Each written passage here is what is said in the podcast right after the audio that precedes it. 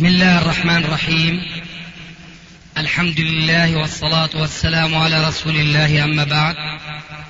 فهذا أحد أشرطة سلسلة الهدى والنور من الدروس العلمية والفتاوى الشرعية لشيخنا المحدث العلامة محمد ناصر الدين الألباني حفظه الله ونفع به الجميع.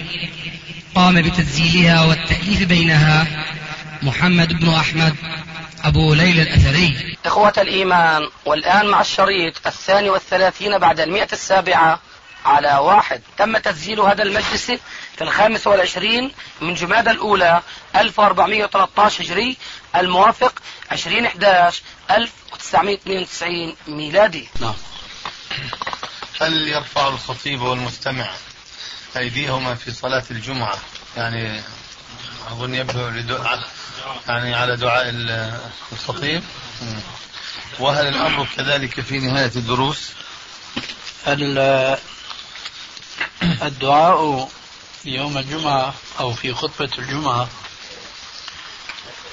آه، يقال فيه أنه خلاف السنة.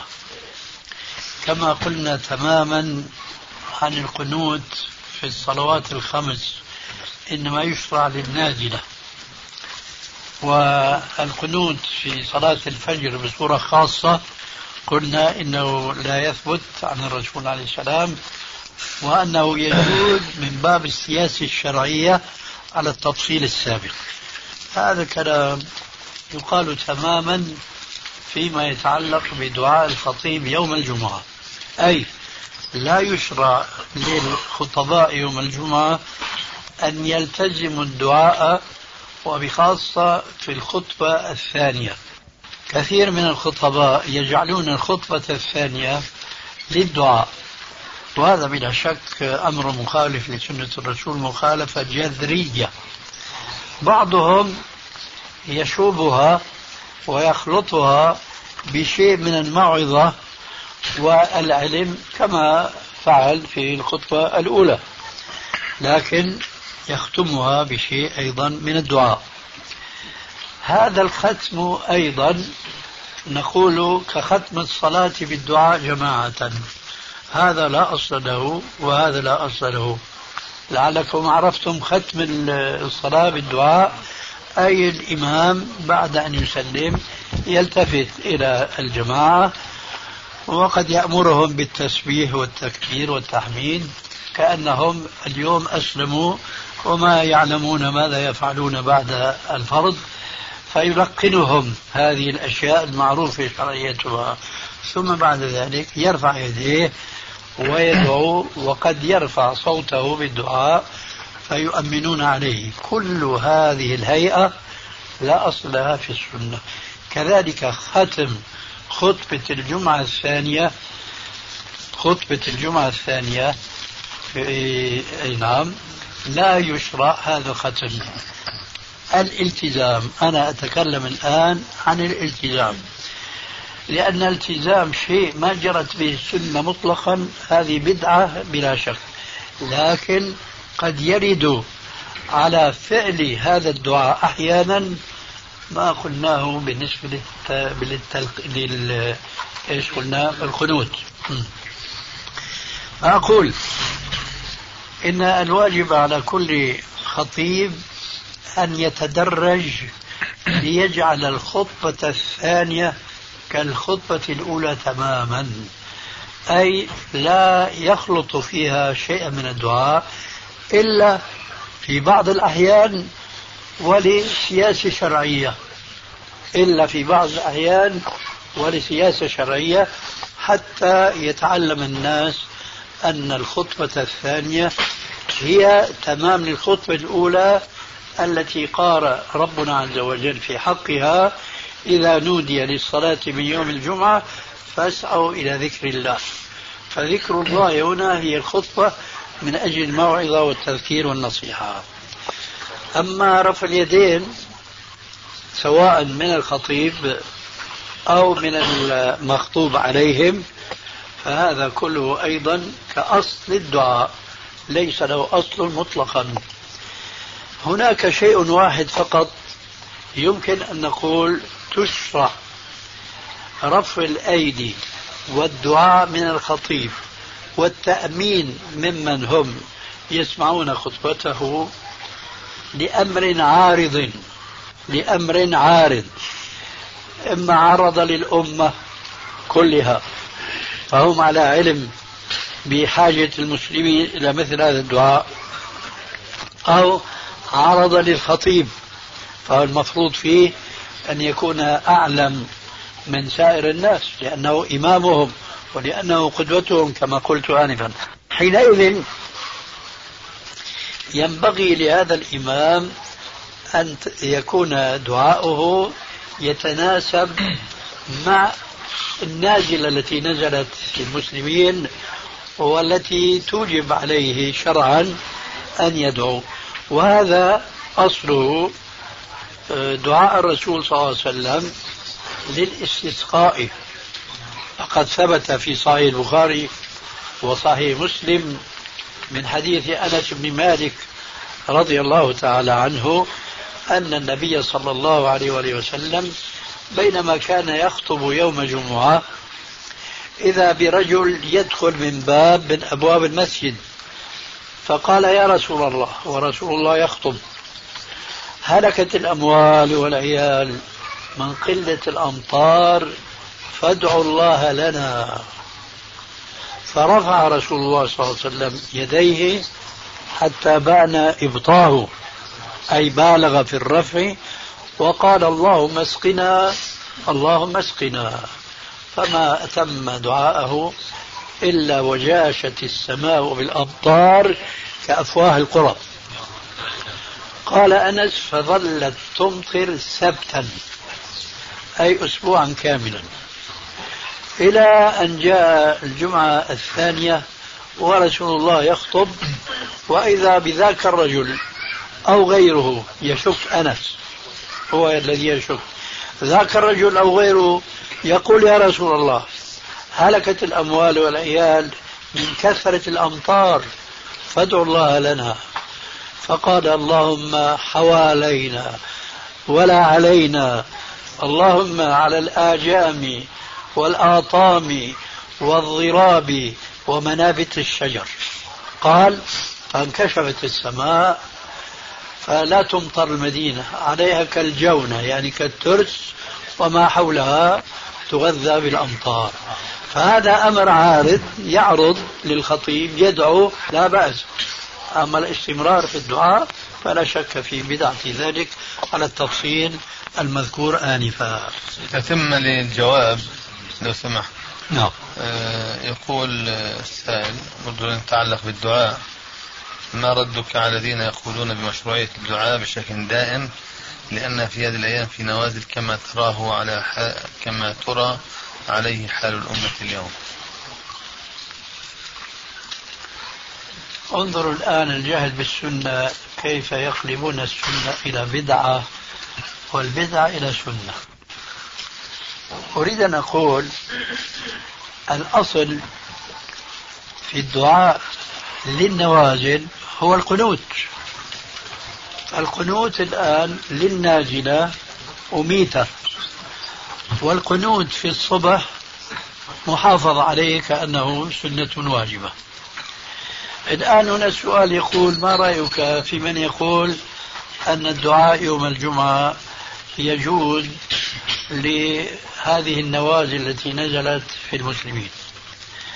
أنا أقول هل هذه الأدعية التي نسمعها اليوم من هؤلاء الخطباء هي تتعلق بنوعية النازلة التي تنزل بالمسلمين؟ الجواب لا. إذا هذا يراد منه تبرير وتسويغ ما يفعلونه بزعم أن هذا دعاء للنازلة هذا شيء. والشيء الثاني أريد أن أذكر بالمقصود من الناجلة يا أخوانا وسأبالغ في التمثيل البعيد لتفهيم المثال القريب. لو قال قائل فاتخذ عادة له يدعو في الصلوات الخمس وليس فقط في الفجر أنه يهلك ربنا عز وجل نصارى الذين احتلوا الأندلس. ويعيد الأندلس إلى المسلمين. لاستهجن المسلمون هذا الدعاء بزعم أن هذا دعاء أو خنوت إيش؟ ناجلة يا أخي هذه ليست نازلة. هذه أصبحت مصيبة حلت في ديار المسلمين وقضي على المسلمين. فصارت القضية نسيا منسيا. النازلة هي التي تعرض للمسلمين من قريب. أما إذا صارت عادة فأنتم ترون مع الأسف الآن النازلة الجديدة والقوية جدا جدا والمخزية للمسلمين هي احتلال اليهود لفلسطين. هل تجدون إماما يقنت قنوت شرعي ويدعو لينصر الله المسلمين على اليهود في فلسطين في القنوت الصلوات الخمس؟ لا تجدون هذا. إذا إذا نزل بالمسلمين أمر عارض هذا الذي هو يشرع له القنوت في الصلوات الخمس. أما هذا الأمر العارض صار جزءا من حياة المسلمين فهذا لا يعتبر أنه يشرع له القنوت من أجل النوازل. نحن الآن مسجدنا قريب من هنا يعني نصلي في المسجد. يا اخوان ما يعني ما حدا يسأل إلا إذا رفع أصبعه. أرجوكم ما تتداخل كل واحد أثناء كلام الشيخ الموضوع. وإذا تعليق على هذا الموضوع ارفع أصبعه. إن أذن الشيخ يكمل. أي نعم. زي ما بقول أبو أيوب. يا إخوان بارك الله فيكم. صلينا المغرب انفا هنا. و عندما قلت ولا الضالين انقسمنا فريقين. ففريق انتظر حتى بدأت أنا بآمين فأمن معي. والفريق الآخر سبقنا بهذه الكلمة أو بالتأمين. فشيخنا جزاه الله خيرا أشار إلي أن أبين هذه المسألة أو ما الحكم أو كيف تكون كيفية التأمين وراء الإمام فأقول بارك الله فيكم الرسول عليه الصلاة والسلام بين في مجموع في بعض الأحاديث وهي أحاديث كثير مشهورة ومعروفة. نعرف منها كيفية التأمين من وراء الإمام. وطبعا هذا يحتاج إلى شيء من الانتباه حتى نتبين لأن هناك بعض الأحاديث قد يبدو لقارئها أو سامعها أنها مختلفة بلفظها. وهي في حقيقتها ليست مختلفة ولا متضادة في معناها. فالرسول صلى الله عليه وسلم كان إذا قال ولا الضالين أمن قال آمين ورفع بها صوته أولا. وهذا يدل على مشروعية تأمين الإمام برفع صوته. وفيه رد على من لا يقول من يقول بعدم مشروعية التأمين من وراء الإمام. ومن هؤلاء الذين يقولون بعدم المشروعية مشروعية التأمين من وراء الإمام هو الشافعية. الشافعية المتمذهبون المتمذهبون على مذهب الإمام الشافعي أو المتبعين المتبعين الإمام الشافعي ظنا منهم أنهم متبعين أنهم متبعون. والإمام الشافعي رحمه الله يذهب إلى خلاف هذا في كتاب الأم فهو يقول بأن الإمام يؤمن ويرفع بالتأمين صوته. والمأمومون يؤمنون من ورائه يؤمنون من ورائه. وأيضا الرسول صلى الله عليه وسلم يقول في الحديث الآخر يقول إذا قال الإمام ولا الضالين فقولوا آمين. وفي حديث آخر يقول إذا قال الإمام آمين فقولوا آمين فإن من وافق تأمينه تأمين الملائكة غفر له ما تقدم من ذنبه. لا تضاد بين الحديثين لأن بعض الناس يفهمون من الحديث الأول إذا قال الإمام الضالين أنه مجرد أن يقول ولا الضالين يبدأونهم بالتأمين من وراء الإمام وفي هذا فوات لأمر ذكرناه وهو أن الرسول عليه الصلاة والسلام كان يجهر بالتأمين. ومعنى هذا أن جهره بالتأمين لا تكون له فائدة هنا إذا أمن المأمومون بمجرد أن يقول الإمام ولا الضالين ولم ينتظروا الإمام كي يؤمن هو أولا أو يبدأ بالتأمين على الأقل فيؤمنهم من وراء الإمام. لذلك المشروع يا إخوان الانتظار حتى يفرغ الإمام من قراءة الفاتحة بتمامها من الحمد لله إلى ولا الضالين ولا يسبقه المأمونون بالتأمين حتى يسمعوه هو أمن فيؤمنون معه وبذلك يحرزون جميعا الفضيلة التي أشار إليها النبي صلى الله عليه وسلم في الحديث الآن في الذكر وهي هذه الفضيلة فإن الملائكة يؤمنون مع الإمام فمن وافق تأمينه تأمين الإمام غفر له ما تقدم من ذنبه. هذا ما عندي وجزا الله آه، خيرا شيخنا حيث نبه أو آه، ذكرنا بهذه المسألة. الحديث الذي تفضل به الأستاذ يؤكد لكم ما سمعتم من عدم مسابقة الإمام. لأن أوله إذا أمن الإمام فأمنوا إذا أمن فأمنوا وهذا كما تعلمون في الحديث الآخر إذا كبر فكبروا. فهل تعلمون جاهلا؟ وليس طالب علم. فضلا عن أن يكون عالما يكبر قبل تكبير الإمام هذا يكاد يكون مستحيلا والحمد لله. لكن الناس كل الناس لا نستثني جاهل ولا طالب علم بل ولا عالما. يقال إنه عالم لا يقع في مخالفة هذا الحديث. إذا أمن الإمام فأمنوا ذلك لأن العادة غلبت على الناس في كل مساجد الدنيا التي عرفتها شخصيا. لا تجد هناك طائفة يصلون وراء إمام ينتظرون حتى يبدأ الإمام بآمين فيبدأونهم. لا ليتهم مشوا معه. آه آمين. لا هم يسبقون الإمام بآمين. كالذي يحرم الصلاة قبل أن يحرم الإمام. هذا لا صلاة له. بس شيخنا يسبقونه قبل ما يتم الضالين. كمان. نعم. هذا صحيح أيضا. خاصة إذا كان الإمام يرتل القرآن ورتل القرآن ترتيلا ويمد في ولا الضالين ست حركات وين تقول سبقوني بأمين؟ شيخنا الحديث اللي ذكرتوه جزاهم الله خير هو في إنما جعل الإمام ليؤتم به فإذا كبر فكبروا وإذا قرأ فأنصتوا وإذا ركع فاركعوا ثم قال وإذا أمن فأمنوا. ف ما يوجد هذا في نفس الحديث؟ والله شيخنا موجود.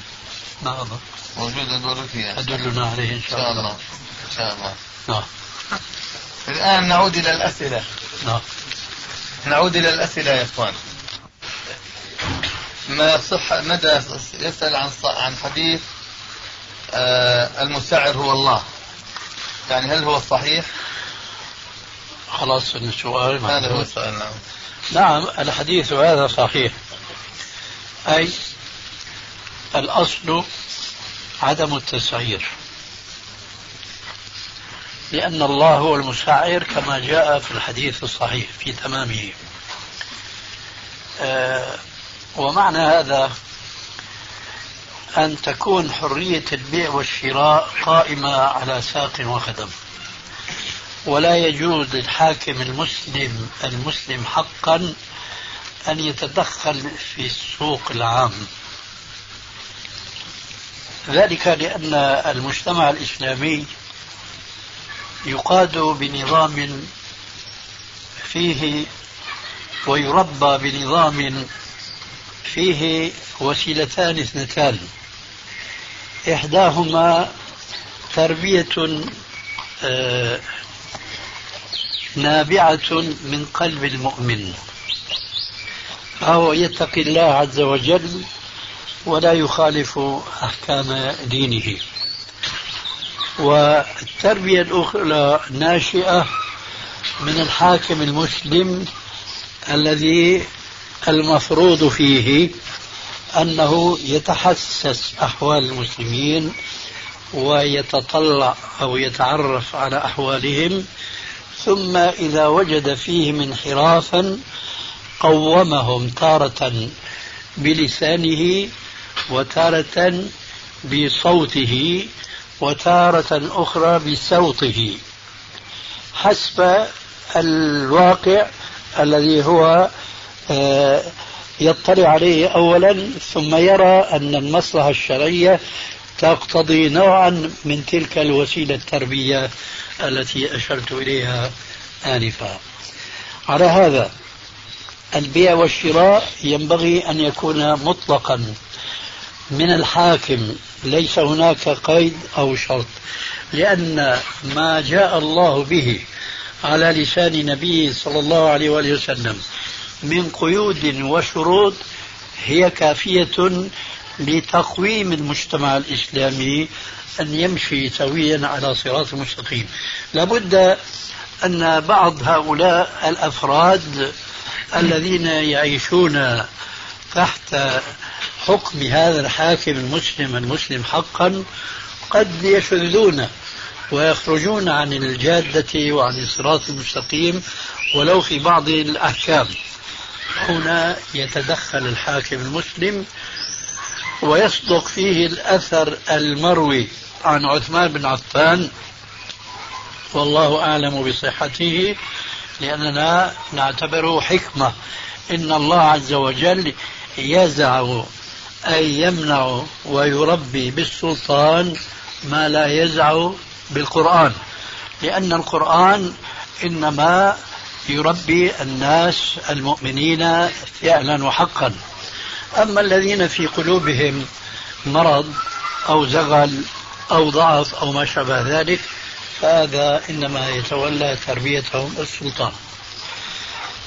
هذا التسعير إنما منع منه شرعا هو لأجل أن الناس ينطلقون كما قلنا بوازع من قلبهم. مثلا قال عليه الصلاة والسلام لا يبع حاضر لباد.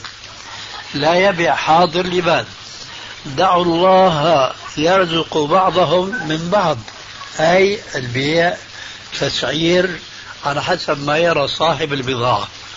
وأنتم تعلمون أن النظام ما يسمى بالنظام الاقتصادي خاضع لماذا؟ للعرض وللطلب فلا يجوز وضع حد سعر معين لبضاعة ما لأن بضاعة بضاعة تختلف وحاجة عن حاجة تختلف إلى آخره ولكن إذا فسد مجتمع ما وخرج عن هذا عن هذه الوسيلة الأولى التربية بالأحكام الشرعية خرجوا عنها ولم يعودوا يلتزمونها أي ويحكمون بمقتضى أحكام الإسلام حينئذ للحاكم المسلم أن يسعر تسعيرا ليس نابعا من حكم شخص أو شخصين فقط وليس لهم معرفة أولا بأحكام الإسلام وثانيا بنظام الاقتصاد في الإسلام وثالثا بواقع حاجات المجتمع الإسلامي. وإنما ينبغي أن يكون هناك لجنة أو هيئة أو وزارة تجمع من كل الاختصاصات من أهل العلم. حينئذ هؤلاء يدرسون الوضع فيسعرون أشياء ويطلقون أشياء على ما هو الأصل. ولكن هذا لا ينبغي أن يكون نظاما مستمرا كما هو الشأن في بلاد الكفر. تسعير على طول الخط. لماذا؟ هنا يبدو لكم السر في القسم الأول من التربية الإسلامية. هم ليس عندهم أحكام شرعية يلتزمونها. ليس عندهم وازع نفسي وقلبي. هي التي توجههم الوجهة الصحيحة. ولذلك صار نظامهم التسعير بطريقة مستمرة دائما وأبدا. الحاكم المسلم كما قلنا في بعض الأحكام السابقة في الجلسة السابقة أيضا أنه الأصل في كذا وكذا لكن يجوز أحيانا الخروج عن هذا الأصل لمصلحة. كذلك نقول في التسعير المسعر هو الله. سبب هذا الحديث لعلي ما ذكرته آنفا. قالوا سعر لنا يا رسول الله. قال الله المسعر سعر لنا وهو الحاكم. قال المسعر هو الله. أي الأصل أن التسعير ينبغي أن يكون هكذا من الله عز وجل حسب ما يرزق العباد كثرة وقلة إلى آخره. أما الحاكم المسلم فلا يجوز أن يصير إلى التسعير إلا لظروف خاصة معينة وبهيئة علمية تجمع ذوي الاختصاصات المختلفة. نعم. وأظن عليه شيخنا يسرى أن يسمى عبد المسعر إيه نعم. آه بالنسبة للاسم. نعم. إن الله هو المساعد الآن إذا نستعمل مساعد مثلا أي شيء ساعات الدولة قد يصير ضرر يعني مثلا ساعة مثلا بيبسي بعشرة إذا باعها مثلا 11 لأنه الربح فيها قليل. إذا باعها ب 11 وشافت سوى قد يخالف أحمد سجل مسجل؟ هذا لا هذا سؤال كويس أنا كويس أكيد. نعم. حقيقة لأنه هذا حتى يسمعوا الإخوان لأن كثير من التجار يخالفون عن تسعيرة الدولة. الدولة مثلا تسعر هذه السلعة بدينار. نعم. فالتاجر لأنه يرى بأنه هذا ما بيوفي معه على رأيه يعني. فبيبيع ببيع السلعة هذه بدينار وخمس قروش مثلا. فطبعا لا شك أن هذا الخروج والمخالفة عن التسعيرة لا شك أنه يعرضه لمسؤولية مسؤولية العقوبة. والعقوبة هنا تكون عقوبة صارمة أحيانا. قد آه، لا يعوض ما يدفعه لهذه المخالفة أو بسبب المخالفة آه، من, من سنة ما بيجوز بين هذه السلعة. سلمتني ونحن السلام عليكم عليكم السلام. فلذلك شيخنا هذا نعم. معروف بارك الله فيك. هذا سؤال مهم. لكن أنا قصدت انه يرفع صوته شوي عشان السجل تسمع معي. أنا أقول التسعير الذي يجب اتباعه عرفتم شرطه ولا أعيده. ولكن كما قلت بالنسبة للحاكم أن عليه أن يراعي مصلحة الشعب الذي يحكمه. كذلك أقول بالنسبة للمحكوم عليه أيضا أن يراعي مصلحة نفسه. فإن كانت مصلحة نفسه آه، تستوجب عليه أن لا يبيع بسعر التسعيرة الحكومية فله ذلك. لكن ينبغي أن يكون كذاك الحاكم. أي هو لا يخرج عن النص إن الله هو المسعر إلا لمصلحة. نعم. آه. هذه مصلحة يراعي فيها مصلحة الشعب. الآن هذا الفرد من أفراد الشعب يرى كما جاء في السؤال السابق أنه إذا باع بثمن التسعيرة هو يتضرر يا ترى. هو صادق في هذا القول؟ إن كان صادقا فأقول أيضا يراعي هو مصلحته. لكن ترى هل مصلحته بأن يبيع بأكثر من التسعيرة دفعا للضرر الناشئ من التزامه للتسعيرة أم المصلحة تكون بأن لا يقع في تلك العقوبة؟ هنا ينبغي أن يسادد وأن يقارب. هذا إذا كان صادقا في قوله. وقد يكون الأمر ليس كذلك. أي مثلا إنه هو يربح في كيلو من بضاعة كذا. مثلا يربح حسب بيعه الحر عشرة عشر قروش يعني أو عشر دنانير. هذا مش مهم الموضوع. لكن الدولة سعرت أنه يربح دينار أو قرش مثلا. فهو إذا يربح في هذا. مش يخسر لكنه يعتبر عدم ربحه العشرة مقام الخمسة يعتبرها خسارة.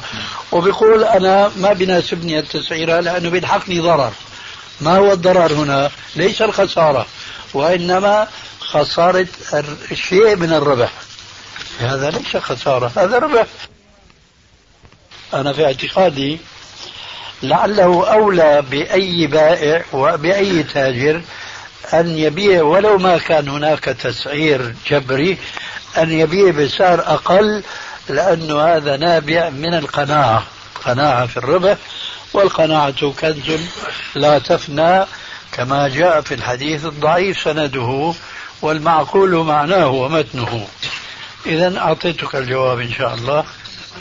كذلك من هو يعني كتاب موجود في اي كتاب موجود أنا هذه المساعر هو الله موجود في سنن أبي داود ومسند الإمام أحمد وغيره. والشيخنا بيقول أيضا والترمذي. لكن أتبعها في قوله الله أعلم. هذه بتذكرني شيخنا. هذه بتذكرني هذه نكتة أبو أيوب. وائل أبو أيوب نعم. تذكرني بجماعة كانوا يؤلفون كتب مدرسية. وكلهم يشار إليهم بالبنان. فكانوا مجتمعين يوما فاختلفوا في حديث. أو ما اختلفوا وجدوا حديث. طبعا هم ليسوا من أهل الحديث ولا من أهل هذه الصنعة. فصار كل واحد يضرب بسهمه. ففلان يقول هذا البخاري هذا مسلم هذا كذا. فقالوا بدل هذا كله يا أخي يا فلان أنت شوف تولى آه، تخريج هذا الحديث وجيب لنا إياه. ف وإذا بكبيرهم الذي علمهم السحر يقول لهم يا أخي وليش التعب؟ خلاص اكتب لابن ماجه. اكتب رواه ابن ماجه. رواه مسلم. أي نعم رواه ابن ماجه. حد راح يدور اي نعم فلذلك هذا بذكرني والله أعلم آه. طيب شيخنا هنا في أيضا تعليق على هذا هذه المسألة آه، وهو يا ترى هل هذا البائع وأظن إذا كنت أنت تاجر تشتغل بالتجارة؟ آه. آه أنا أظن أن هناك بعض البضائع قد يكون الربح فيها عالي نعم. أليس كذلك؟ طيب هل هذا التاجر أو التجار فكروا في إنزال السعر عما هو عليه؟ ها؟ فكروا؟ طيب لو جاء أنا أسألك الآن لو أن الدولة جاءت مثلا أنت بكم بتبيع هذه السلعة؟ هي مسعرة بدينار قل لهم أنا ببيعها بتسعين هل تقبل الدولة منك هذا؟ تقبل؟ آه. لماذا تقبل الدولة؟ ها؟ لأنه فيها مصلحة الأمة ومصلحة الناس ولذلك ما عاقبتك؟ ربما شكرتك على هذا الصنيع. لذلك أقول أنا بأن الربح العالي يغطي الربح القليل بل الربح العالي يغطي الخسارة في بعض المواد المباعة. نعم.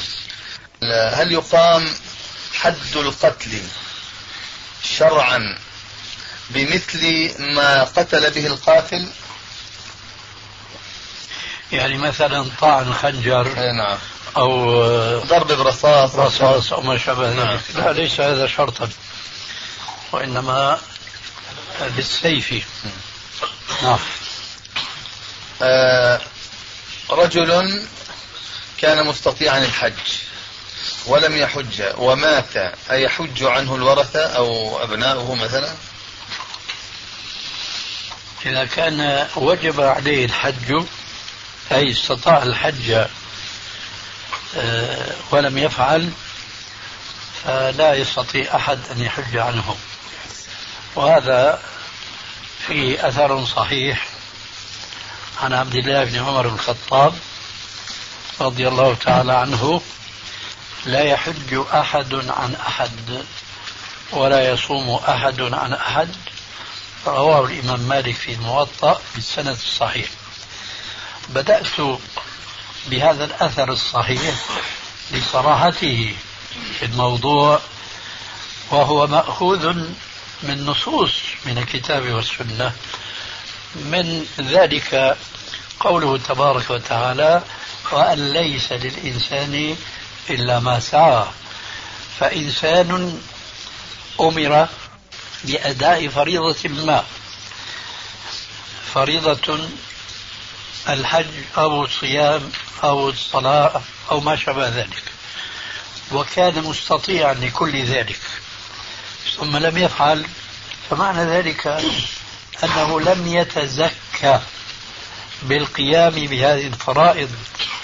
والله عز وجل يقول ومن يتزكى فإنما يتزكى لنفسه فحينئذ من يزكيه؟ بعد أن جاءه اليقين. وانتقل إلى رحمة رب العالمين أو إلى عذابه الأليم حسب ما يشاء الله عز وجل أن يعامله به. من الذي يزكيه؟ وأن ليس للإنسان إلا ما سعى. ولذلك قال ذلك الصحابي الجليل لا يحج أحد عن أحد ولا يصوم أحد عن أحد. أي هذا في الفرائض. ولذلك رجل مات ولم يؤدي فريضة الحج التي كانت فرضت عليه فلا يستطيع أحد أولاده أن يحج بدلا عنه فضلا عما جاء في السؤال مما هو أعم مما قلت. أي لا يستطيع أن يحج أحد من أفراد ذريته. فقد يكون في الذرية أخ وقد يكون في الذرية زوجة وإلى آخره.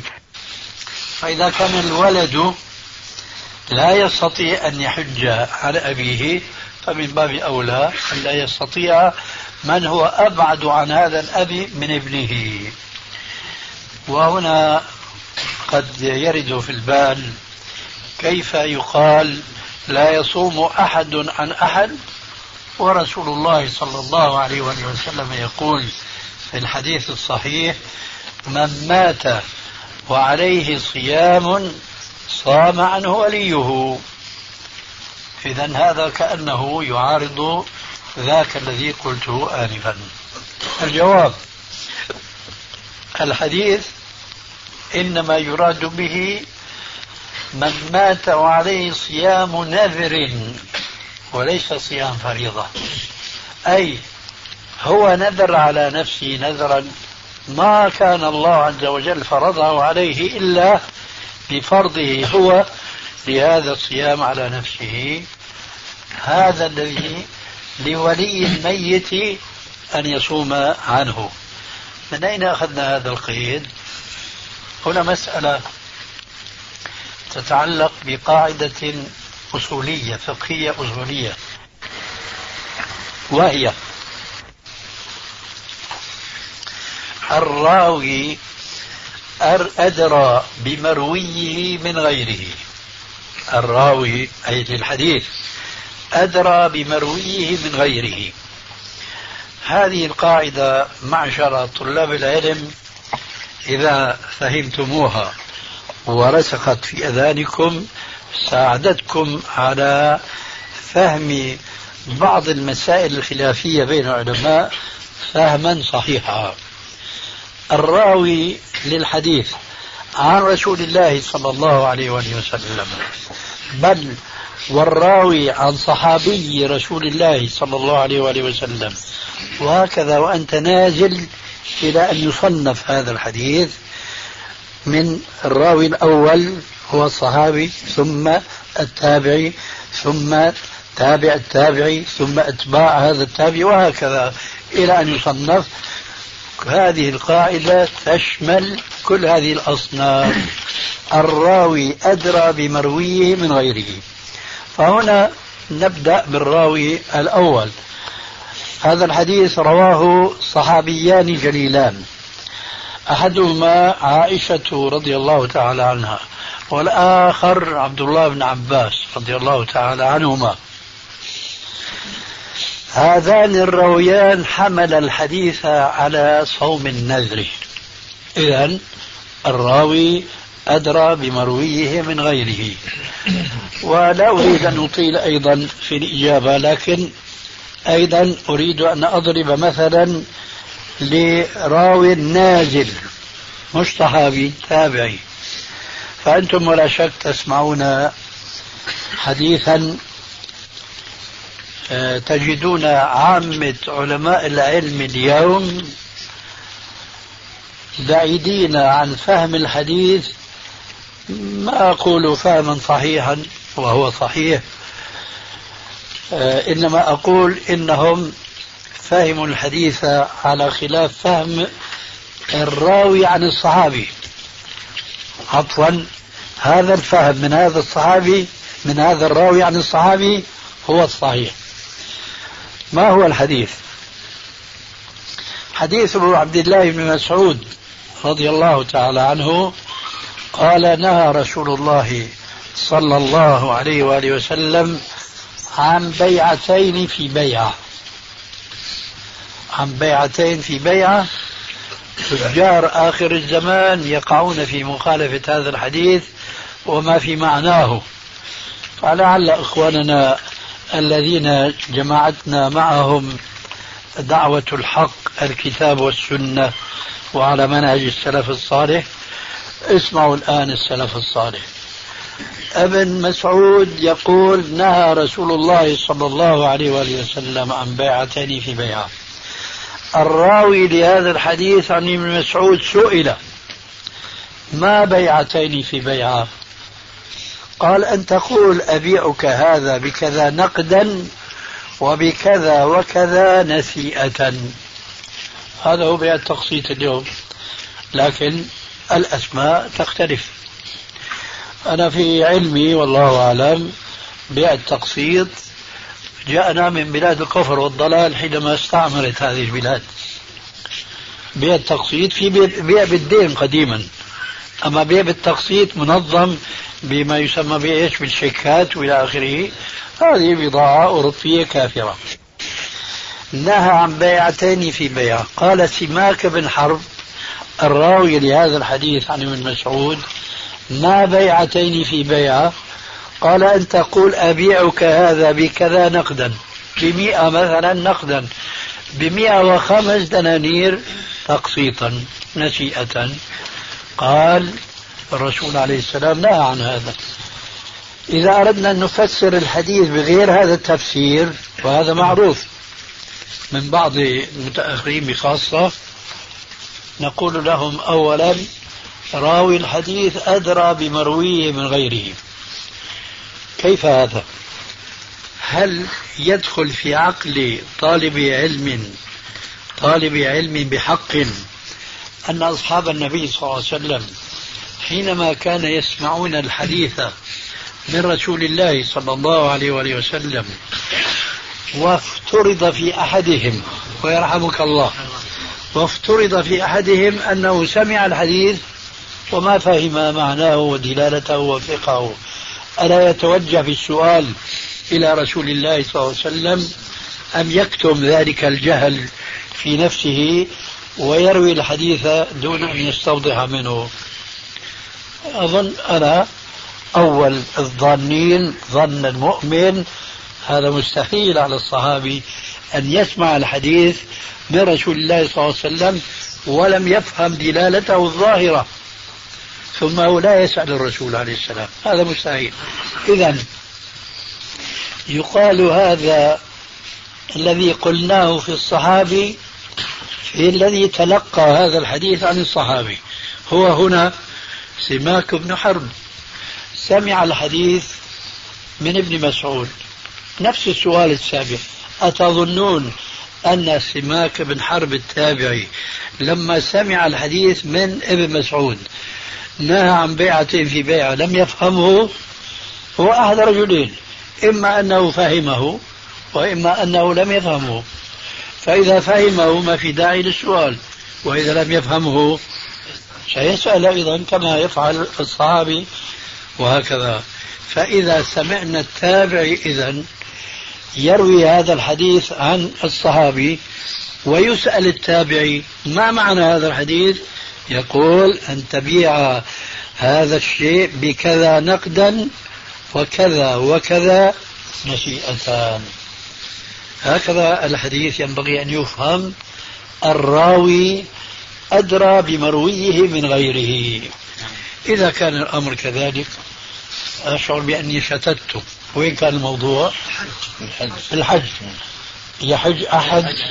يحج أحد. عن أحد قال ابن عمر طول بالك أسترجع أفكاري الآن. يحج أحد عن أحد؟ قال لا. ويصوم أحد عن أحد؟ قال لا. في هناك حديث قد يشكل على البعض وهو من مات وعليه صيام صام عنه وليه. قلنا هذا رواه عائشة وابن عباس وفسروا هذا الصيام الذي أمر به الرسول عليه السلام الولي الميت أن يصوم عنه بأنه صيام النذر. لا تتساءلوا ولا تقولوا من أين هذا. الحديث مطلق. فنقول الراوي أدرى بمرويه من غيره. وعلى ذلك فقيسوا تستريحون في فهم كثير من النصوص. قيسوا إذا استحضرت نعم. قيسوا تستريحوا نعم. قيسوا تستريحوا. تستريحوا مو تستريحوا يا شيخنا. تستريحون؟ مو تستريحون تستريحوا. لا أنا أقول تستريحوا. قيسوا تستريحوا. تستريحوا نعم. نعم. جواب الشرط يعني. نعم. نعم. لكن ليس لغة الوجود ولا لا؟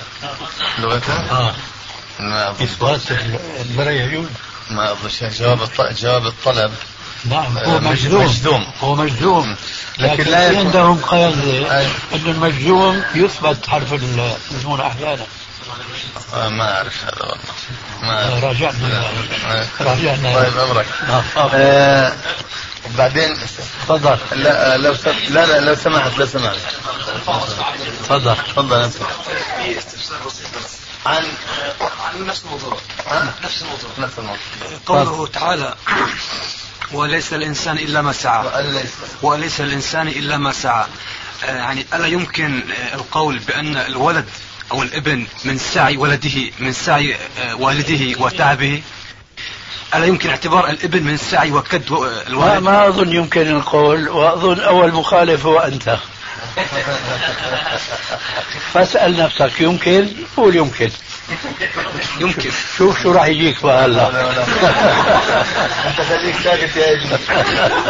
لا بس استفسار بس يعني بس حتى. يعني. شيخنا الله يخليك. طيب ها؟ كما تريد تهميشات بلاش ولا؟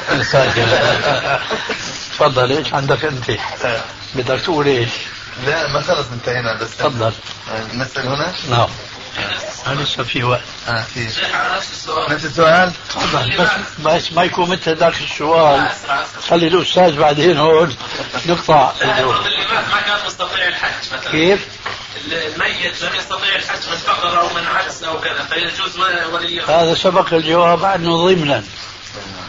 قال إذا كان مستطيع ولم يحج السؤال. إيه نعم لكن ضمنا لما كررنا بشرط عدم بشرط الاستطاعة انفهم بالعكس تماما؟ أنا أجيبك الآن على كيفك أنت. بقى أقول نعم إذا مات أحد الوالدين ولم يجب عليهم الحج مطلقا. بهذا القيد انتبه. إذا مات أحد الوالدين ولم يجب عليهما الحج مطلقا بعد سن البلوغ فللولد أن يحج عنه. بل وأرجو الانتباه بل على الولد أن يحج عنه. إيش الفرق؟ واجب واجب على الولد أنا مسألك إليك الله يهديك إذا مات أحد الوالدين ولم يجب عليهما الحج بعد سن البلوغ مطلقا فعلى الولد أن يحج عنه. لماذا؟ لأن النبي صلى الله عليه وسلم أمر الخثعمية حينما قالت يا رسول الله أبي شيخ كبير لا يثبت على الرحل أفأحج وقد أدركته فريضة الله الحج. أفأحج عنه؟ قال عليه الصلاة والسلام حجي عنه. وفي رواية أرأيت. أو في رواية أخرى أرأيت. لأنه في خلاف. بين السائل رجل أو امرأة. أرأيت إن كان على أبيك دين أكنت تقضينه عنه؟ قالت بلى. قال فدين الله أحق أن يقضى. لكن أرجو الانتباه الآن هنا لأن بعض الفقهاء المتأخرين أكيدا وربما بعض المتقدمين آه، عكسوا دلالة الحديث. فقالوا كما فعلوا ذلك بالنسبة للصلاة. الصلاة تعرفوا في باب القضاء قضاء الصلوات في كثير من كتب الفقه. فيرون أن الرجل إذا مات وعليه صلوات مكسورة عليه ولم يقضها بتمامها بعضهم يقول يقضي ولده بعضهم وهم الجمهور لا لا يقضي. بعض هذا الجمهور قال بقضية الكفارة هذه يمكن سمعتوا فيها ولا نطيل الكلام فيها. بيجمعوا الأموال بيعملوا حساب كم صلاة كم سنة ما صلى بيضربوا مثلا السنة ب آه، 365 يوم. خمسة. كل الأيام بخمسة بيطلع ما شاء الله. وهذه بيطالوا عن كل صلاة مد من قمح إلى آخره. هذه طبعا بدعة حنفية وأبو حنيفة الإمام بريء منها وإنما حدثت من بعده. الخلاصة الصلاة لا تقضى إلا بعذر النسيان والنوم. فالحج قالوا هنا بعض هؤلاء المتأخرين فدين الله أن يقضى. رجل هو الأول الذي وجب عليه الحج ولم يحج. هذا مات وعليه دين. لا هذا ما مات وعليه دين. اللي بيموت وعليه دين هو المعذور وهذا غير معذور. ولذلك الحديث شو بيقول؟ أبي لا يثبت على الرحل إذا هذا معذور. فاعتبر الرسول عليه السلام هذا العذر دينا على الولد أن يقضيه عن أبيه. وليس حتى تارك الحج بدون إيش؟ بدون عذر. ذاك الأول وأجبنا عنه. أما هذا فهو دليل المعذور الذي فرض عليه الحج ولا يستطيع أن يحج. إذا يجب على ولده أن يحج عنه. نعم. سؤال شيخنا آه، يتعلق باللحية. السؤال آه، في سؤالين أو ثلاثة عن اللحية. آه، مفهوم اللحية ومقدار اللحية. وما يجوز الأخذ منها وما لا يجوز. آه إيش السؤال الأول في اللحية؟ مفهوم اللحية. مفهوم اللحية. آه. لا شك أن اللحية هو الشعر النابت في الوجه الذي يجب غسله في الوضوء. وهذا يخرج منه ما ينبت تحت اللحية على العنق. فهذا ليس من اللحية. لكن يدخل فيه ما ينبت على الوجنتين فهذا من اللحية. فما يفعله بعض الناس في بعض البلاد من حلق جانب اللحية من هنا وهكذا بحيث أنهم يمسون الوجنتين بسوء. فهذا طبعا لا يجوز المس بسوء. لأن الشعر النابت على الوجنتين هو من اللحية لغة وهذا منصوص في القواميس وبخاصة منها قاموس المحيط للفيروز عبادي. هذا مفهوم اللحية لغة. أما الأخذ إيه، نعم. السؤال الثاني الأخذ. الأخذ منها. أما الأخذ منها فالمنقول عن السلف دون أن ينقل عن أحد منهم خلاف ذاك المنقول أنه يجوز الأخذ من طول اللحية ما دون القبضة. هذه قبضة من هنا من أسفل الذقن. الذقن يشترك فيه الذكر والأنثى كما تعلمون لغة. وإطلاق آه، اسم الذقن على اللحية هذا من باب إيش المجاز؟ تجاوز خطأ خطأ. وهل حتى بس إلى ترقيع في اللغة العربية آه بس يعني حتى حتى المجاز ما ينطبق عليها هنا فهذا الشعر الذي ينبت تحت القبضة أو يطول هذا الذي يجوز الأخذ من اللحية. بل أنا لا أقتصر على القول بالجواز. بل أنا أرى أن إطالة اللحية أكثر من القبضة. مخالف لمنهجنا السلفي. ولذلك أنا أدندن دائما وأبدا لا يكفي أن ندعو إلى الكتاب والسنة لأن كل الفرق الإسلامية التي تشملها دائرة الإسلام لا أحد من هذه الفرق يقول نحن لسنا على الكتاب والسنة. كلهم يقولون هكذا لكن لا أحد منهم نقول من جهة والحمد لله لأنه نحن انفردنا عنهم ونقول لا حول ولا قوة إلا بالله. بالنسبة إليهم لأنهم شذوا عنا. لا يقولون كتاب وسنة ومنهج السلف الصالح. لماذا نحن نقول زيادة على الكتاب والسنة؟ أشياء كثيرة وكثيرة جدا.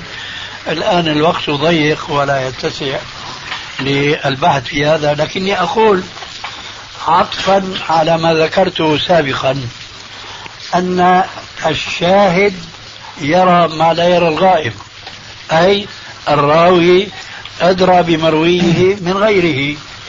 هؤلاء الصحابة الذين رووا لنا حديث رسولنا صلى الله عليه وآله وسلم حفوا الشارب وعافوا عن اللحى هم أخذوا من اللحى فلا يجوز لنا أن نفهم هذا النص على إطلاقه.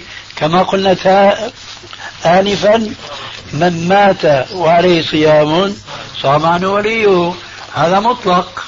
لكن راوي الحديث فهمه مقيدا بصيام النذر. هم القوم لا يشقى جليسهم. فإذا نحن نقول الكتاب والسنة وعلى منهج السلف الصالح. ليس هناك رواية مطلقا. أقول مؤكدا مطلقا مطلقا أن صحابيا واحدا أرخى لحيته مهما طالت. لا هذا لا يوجد. ومن باب أولى مؤكدا مرات ومرات ليس هناك رواية أن النبي صلى الله عليه وسلم كان لا يأخذ من لحيته. هذا شائع بين كثير من العلماء والمشايخ وكلامي مسجل لكن لا أصل له في كتب السنة إطلاقا. إنما هم ينطلقون من عموم قوله عليه السلام وعافوا اللحى يستلزمون الفهم أو يستلزمون فهمهم للعموم أن يكون واقعا ولا تلازم بين الأمرين أبدا. والمثال سابق والأمثلة كثيرة وكثيرة جدا. وعلى العكس من ذلك هناك آثار كثيرة وبأسانيد صحيحة أن ابن عمر وهو كما تعلمون من أحرص الناس على اتباع الرسول عليه السلام حتى في أمور ما يسمى عند الفقهاء المحققين بسنن العادة. السنة تنقسم إلى قسمين سنة عبادة وسنة عادة. سنة العبادة هذه هي التي ينبغي علينا أن نتقرب بها إلى الله تبارك وتعالى. أما سنة العادة سواء فعلت أو تركت لا شيء لا ثواب ولا عتاب فضلا عن أنه لا عقاب في سنة العادة. أما سنة العبادة فتعلم يثاب فاعلها ولا يعاقب تاركها. مثلا من السنة أن النبي صلى الله عليه وسلم كان له شعر طويل. تارة إلى شحمتي الأذنين تارة إلى رؤوس المنكبين فلو واحد ربى اليوم شاليش للأذنين أو إلى المنكبين ما يقول ما نقول هذا على السنة. هذا على العادة ويجوز له ذلك. إلا إذا قصد الشهرة فلا يجوز له ذلك. وعلى ذلك فقس. دخل مكة وله أربع غدائر. تعرفون غدائر؟ هي الضفائر الزوائب اليوم لو فعل إنسان شعره ضفره مثل بعض النساء ولا هذا بطل كمان عند النساء بطل. حتى عند النساء بطل. المهم فلو واحد ضفر شعره ليش يا أخي عم نسوي هيك؟ الرسول هيك سوى في ناس يطيلون شعورهم. من هؤلاء الذين لم يتفقهوا في السنة ولم يعرفوا الفرق بين بدعة في العبادة وبين بدعة في العادة ولم يفرقوا بين سنة العبادة وبين سنة العادة. تسألهم الرسول فعل هيك طيب الرسول كمان لبس صندل؟ يعني هذا إيش يسمونه؟ شاروخ؟ شاروخ. شاروخ ها؟ الخف هذا اللي النعل هذا النعل اللي يلبس أربع أصابع في سير والإبهام في سير. هيك الرسول كان يلبس. ما بنشوفوا هذول بيطولوا شعورهم وبإيش؟ وبيلبسوا النوع من النعل. كل هذا من سنن إيش؟ العادة وليس من سنن العبادة. الشاهد إعفاء اللحية أمر واجب فرض لازم. نسأل الله كل مبتلى ليس فقط بحلق اللحية بل وبتقصيرها أيضا أكثر من فوق أن أن الله يعافيهم. لكن مثل ما بيقول عنا بالشام يمكن عندكم كمان بتقولوا معنا لأنه كنا في بلاد الشام ما في فرق. سوريا من الشام والأردن من الشام وفلسطين إلى آخره. الزايد أخو الناقص ما بتقولوا هيك معنا؟ الزايد أخو الناقص إذا زيادة على اللحية أكثر من القبضة هذا خلاف سنة السلف الصالح. من أين أخذوا؟ مما رأوا من رسول الله وأصحابه وإلى آخره.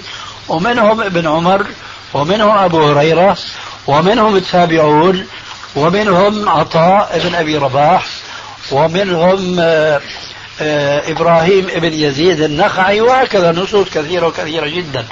لذلك ننصح من كان مبتلا بإطالة اللحية أكثر من القبضة أن أن يرفقوا بها وأن لا يحملوها فوق طاقتها.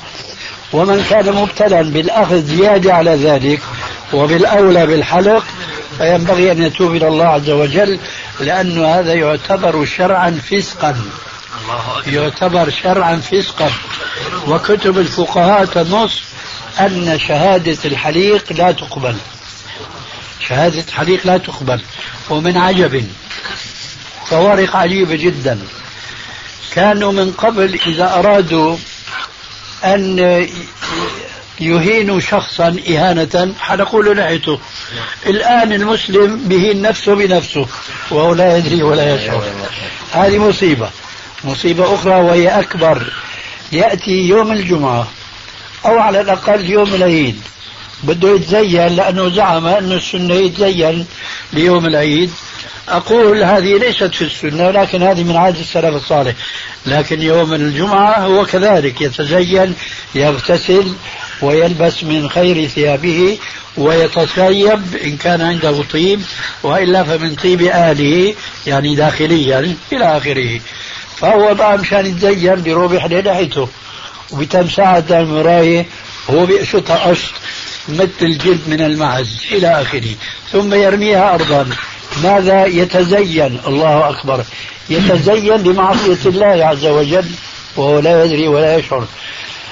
ثالثة الأثاث كما يقال يوم الحج. بيتحلل الإنسان بإيش؟ بالحلق.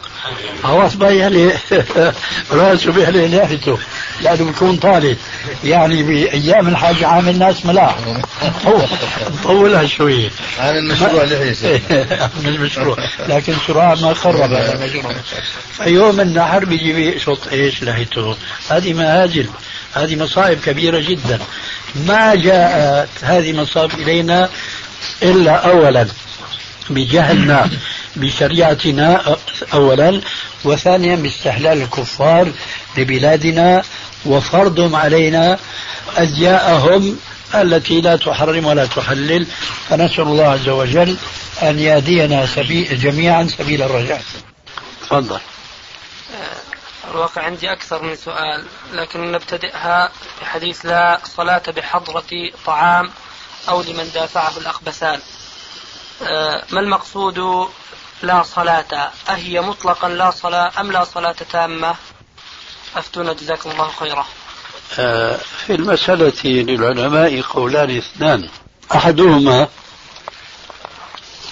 أنها بمعنى لا صلاة كاملة. أي إذا صلى المسلم بحضرة طعام والمقصود بحضرة طعام ليس المعنى الظاهر أي أنه هنا مائدة وضعت هذا معنى بحضرة الطعام لكن هو كان من قبل قد أكل حتى شبع وشرب حتى ارتوى مع ذلك وضع الطعام هل هذا هو المقصود؟ الجواب لا وإنما المقصود لا حضرة. لا صلاة بحضرة طعام أي وهو تائق له محتاج إليه ومع ذلك فهو صلى. فهذه الصلاة هل هي صحيحة أم لا؟ كما قلت آنفا بعد هذا التوضيح أقول القول الأول وهو الذي عليه أكثر العلماء أن المقصود نفي كمال الصلاة وليس المقصود نفي صحتها. لا صلاة أي لا صلاة كاملة. عليكم السلام. والقول الثاني أن الحديث على ظاهره أي من صلى وهو تائق إلى الطعام وبحاجة إليه فصلى وقلبه مشغول به فهذا صلاته باطلة. كذلك وهو تمام الحديث وهو يدافعه الأخبثان. المعنى واحد سواء في الفقرة الأولى أو في الفقرة الأخرى. فمن قال في الأولى لا صلاة كاملة فكذلك في الأخرى. ومن قال بأنه لا صلاة مطلقا أي إن صلاته باطلة فيقول أيضا في من صلى وهو آه، حاق وهو حاق فصلاته أيضا على القول الثاني إنها صلاة باطلة. آه الذي حمل الجمهور القائلين على القول الأول أي أن يتأولوا قوله عليه السلام لا صلاة ب لا صلاة كاملة الذي حملهم على ذلك أمور يحضرني منها أن النبي صلى الله عليه وآله وسلم قد ذكر في بعض الأحاديث الصحيحة المروية في صحيح البخاري ومسلم أن المصلي إذا قام يصلي جاء الشيطان وسحب من دبره شعره يوهمه أنه قد خرج منه شيء يبطل الصلاة. فقال عليه الصلاة والسلام بهذه المناسبة فلا ينصرف حتى يسمع صوتا أو يجد ريحا. فإذا قد يشعر الإنسان بشيء من قرقرة في باطنه ولكنه لم يجد ريحا ولا سمع صوتا فحينئذ لا ينصرف من صلاته. فهذه يعتبروها قرينة على أن قوله عليه السلام في الحديث الأول لا صلاة إنما يعني لا صلاة كاملة. هذا الذي يحضرني من الجواب عن هذا السؤال. ما حكم كشف القرين للمرأة في الصلاة؟ وكذلك كشف إيه؟ كشف القدمين عفوا. القدمين للمرأة في الصلاة وما حكم آه، اللعب في الزهر والشطرنج والشدة وما شابه؟ إذا المرأة كانت تصلي في ثوب سابغ ساتر لظهور قدميها ثم في أثناء ركوعها وسجودها ظهر باطن قدمها فلا بأس عليها من ذلك. أما إذا كانت آه، لا تصلي بثوب سابق طويل فيظهر ظاهر قدمها فصلاتها غير صحيحة. أما اللعب بالشطرنج وإيش كمان؟ والشدة والنرد ونحو ذلك فبالنسبة للنرد هناك أحاديث صحيحة تحرم اللعب بالنرد. بالنسبة للشطرنج هناك بعض الأحاديث لكنها لا تصح لكن هذا لا يعني أن كل لعب ليس فيه حديث يكون مباحا وإنما يؤخذ حكمه من القواعد الشرعية التي يعرفها الفقهاء في الكتاب والسنة. مثلا الشدة الشدة هذه لعبة غربية أجنبية لم تكن معروفة في عهد الرسول عليه السلام فأمر طبيعي جدا أن لا يكون فيها حديث. فما حكم اللعب بالشدة؟ نقول هو نفس الحكم متعلق بالشطرنج. وذلك لا بد من شيء من التفصيل. الشطرنج اللعب به أولا لا ينبغي أن يلعب به وفيه الأصنام. ما يسمى بالملك والفرس ومدري إيه. فهذه إذا غيرت وبدلت والشرط الثاني أن لا يتخذ آه، عادة بحيث أنه يصاب بالإدمان على اللعب بالشطرنج فهذا بلا شك سيكون حكمه حكم الخمر من حيث أنها تصد عن ذكر الله وتلهي عن الصلاة. ولذلك فلا يجوز اللعب بالشطرنج لا لذاته وإنما للأمرين مذكورين آنفا. فيه تماثيل يجب أن تزال.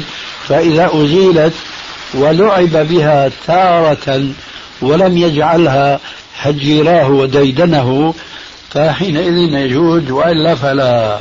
كذلك الشدة فهي تشابه تماما الشطرنج. فيها صور. فيها صورة البنت والخوري. وما أدري إذا كان في شيء آخر. ها؟ الولد ها. فإذا ضيت طمست هذه الأصنام وهذه التماثيل ولعب بها في بعض الأوقات لدفع الملل لكن لا لتقطيع الوقت وإضاعة الوقت لأنه كما قيل في الوقت الوقت كالسيف إن لم تقطعه قطعك. آه هذا أولا وثانيا أن لا يكون اللعب بالشد على طريقة الزهر أي على طريقة اليانصيب فحينئذ تلحق بالنرد المنصوص على تحريمه. لا مو مو ضروري. في في بعض لعب مبنية على الذاكرة بالنسبة للنرد الشعر أنا قرأت في قاموس المحيط. آه، تعريفه هو الزهر والشطرنج. لا. لا أنت واهم شطرنج شيء والنرد شيء آخر. آه يا أخوان يا أخوان. الآن آه نحن على يعني دقائق من أذان العشاء وهو الموعد المحدد انصرافنا وانتهاء هذا المجلس. ونافلة. وإنا ونافلة نعم. ولذلك أنا اسمحوا لي يا أخوان أن أقول كلمة في نهاية هذا المجلس. آه نختم بها هذا المجلس المبارك الكريم إن شاء الله. آه أول ما أذكره هو أن أقول جزا الله خيرا عنا آه جميعا إخواننا الذين آه وجهوا هذه الدعوة لشيخنا ولإخواننا. فحضرنا هذه الدعوة وكانت مفتاح خير بلقاء هذه هذا العدد من الإخوة الكرام. أريد أن أقول يا إخوان إن دعوتنا والحمد لله ليس لها ظهر وقفا ووجه وليس لها باطن وظاهر وليس لها شيء يخفى وشيء يعلن. دعوتنا ظاهرة كظهور الشمس في رائعة النهار. وهي تقوم وتؤسس على منهج لم نعرفه إلا أنه منهج السلف الصالح رضوان الله عليهم جميعا والذين أخذوا أنفسهم في كل عصر من العصور بهذا المنهج هم السعداء الفائزون إن شاء الله في الدنيا والآخرة. لذلك الذي أريد أن أؤكد عليه أيضا بأن هذه الدعوة إذا داخلها شيء خلاف الذي ذكرت وأن يكون لها وجهان أو ظاهر وليس يشبه الباطن أو باطن وليس يشبه الظاهر فهذه ليست الدعوة التي ندعو إليها والتي نتقرب إلى الله عز وجل بالتفقه فيها وتعلم أحكامها وعقائدها. أما الأمر الثاني فإن هذه الدعوة تقوم على أمور كثيرة من الآداب والأخلاق التي لا بد أن تكون لهذه الدعوة والتي ورثناها سلف عن سلفنا الصالح رضوان الله عليهم. من من أهم هذه الأمور احترام الأئمة الأعلام. وإذا ألصق بواحد منا أنه يتقول أو يطعن على أحد من سلف هذه الأمة لا أقول من الصحابة وحاشا بل من هم أدنى من الصحابة من علماء هذه الأمة بل ومن لم يذكر حتى أو لم يعرف كمعرفة أولئك الأئمة الأعلام. فأقول بأنه يتقول ويفتري على من يقول مثل هذا. فإن أئمتنا رضوان الله عليهم ويرحمهم الله جميعا خلفوا لنا من من العلم النافع الذي يملأ صدورنا وعقولنا ونحن لو بقينا عمرنا كله نبحث في ثنايا الكتب التي خلفوها لنا لما عددنا أوراقها وصحائفها. فكيف أن نحيط بها علما؟ فأئمتنا نبرئهم من كل ما يلصق بهم لا منا حاشا ولكن من سوانا الذين ينسبون إليهم ما لم يقولوا وما لم يعلموا عن أنفسهم أنهم قالوا وما ألصق بهم وما عرف عنهم إلا إنحالا لهم من غير حق ومن غير وجه حق. فنحن نقول بأننا مع الأئمة الأعلام ومع السلف الصالح في سيرتهم العلمية وفي أخلاقهم الرضية وفي سيرتهم النبيلة سيرهم النبيلة التي عرفناها عنهم. ومن أهم ما نستفيده من مثل هذه المجالس أن المسائل العلمية التي تعرض وبخاصة أمام شيخنا جزاه الله خيرا لا يكتفى فيها بالجواب الجواب المجرد عن الدليل وإنما كل مسألة من هذه المسائل مقرونة بدليلها من الكتاب والسنة والتعريف بفقه هذه الأدلة على دائرة أوسع مما تدل عليه أو في من حصرها في هذه المسألة أو تلك التي يستدل عليها بهذه الأدلة. ثم يا إخوان هناك آه، وصيتي لنفسي ولكم. أولا أن نكون مجتهدين في العبادة. أن نجتهد في عبادة الله عز وجل. لا أقول الفرائض فإننا والحمد لله نؤدي هذه الفرائض ونسأل الله أن يتقبلها منا وأن تكون سبيلنا إلى الدار الآخرة.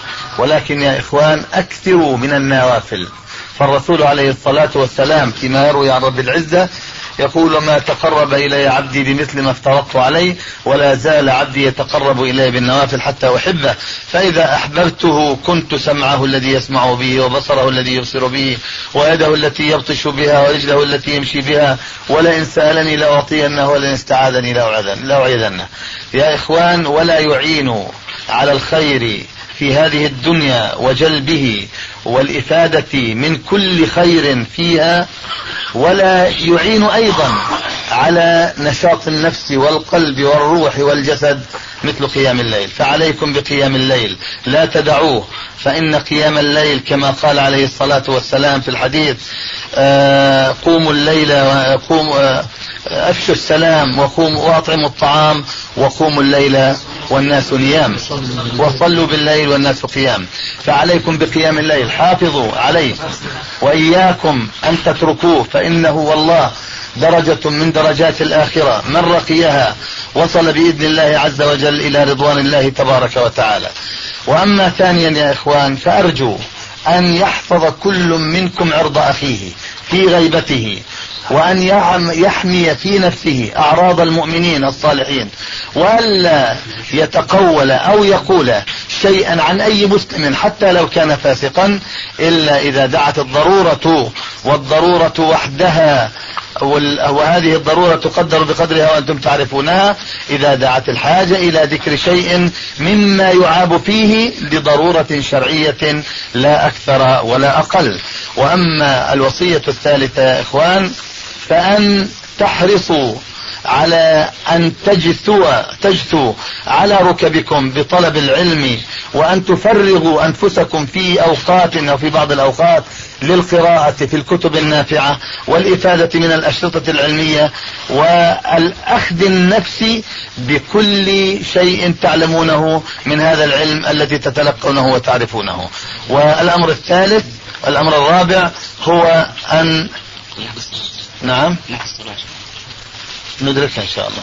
أن نتواصى دائما بالحق والخير وأن نتعاون على البر والتقوى وأن يكون كل منا ردءا لأخيه في حضوره وشهوده وفي غيبته وفي ظهره. وأسأل الله تبارك وتعالى أن يوفقنا وأن يجمعنا على الخير دائما.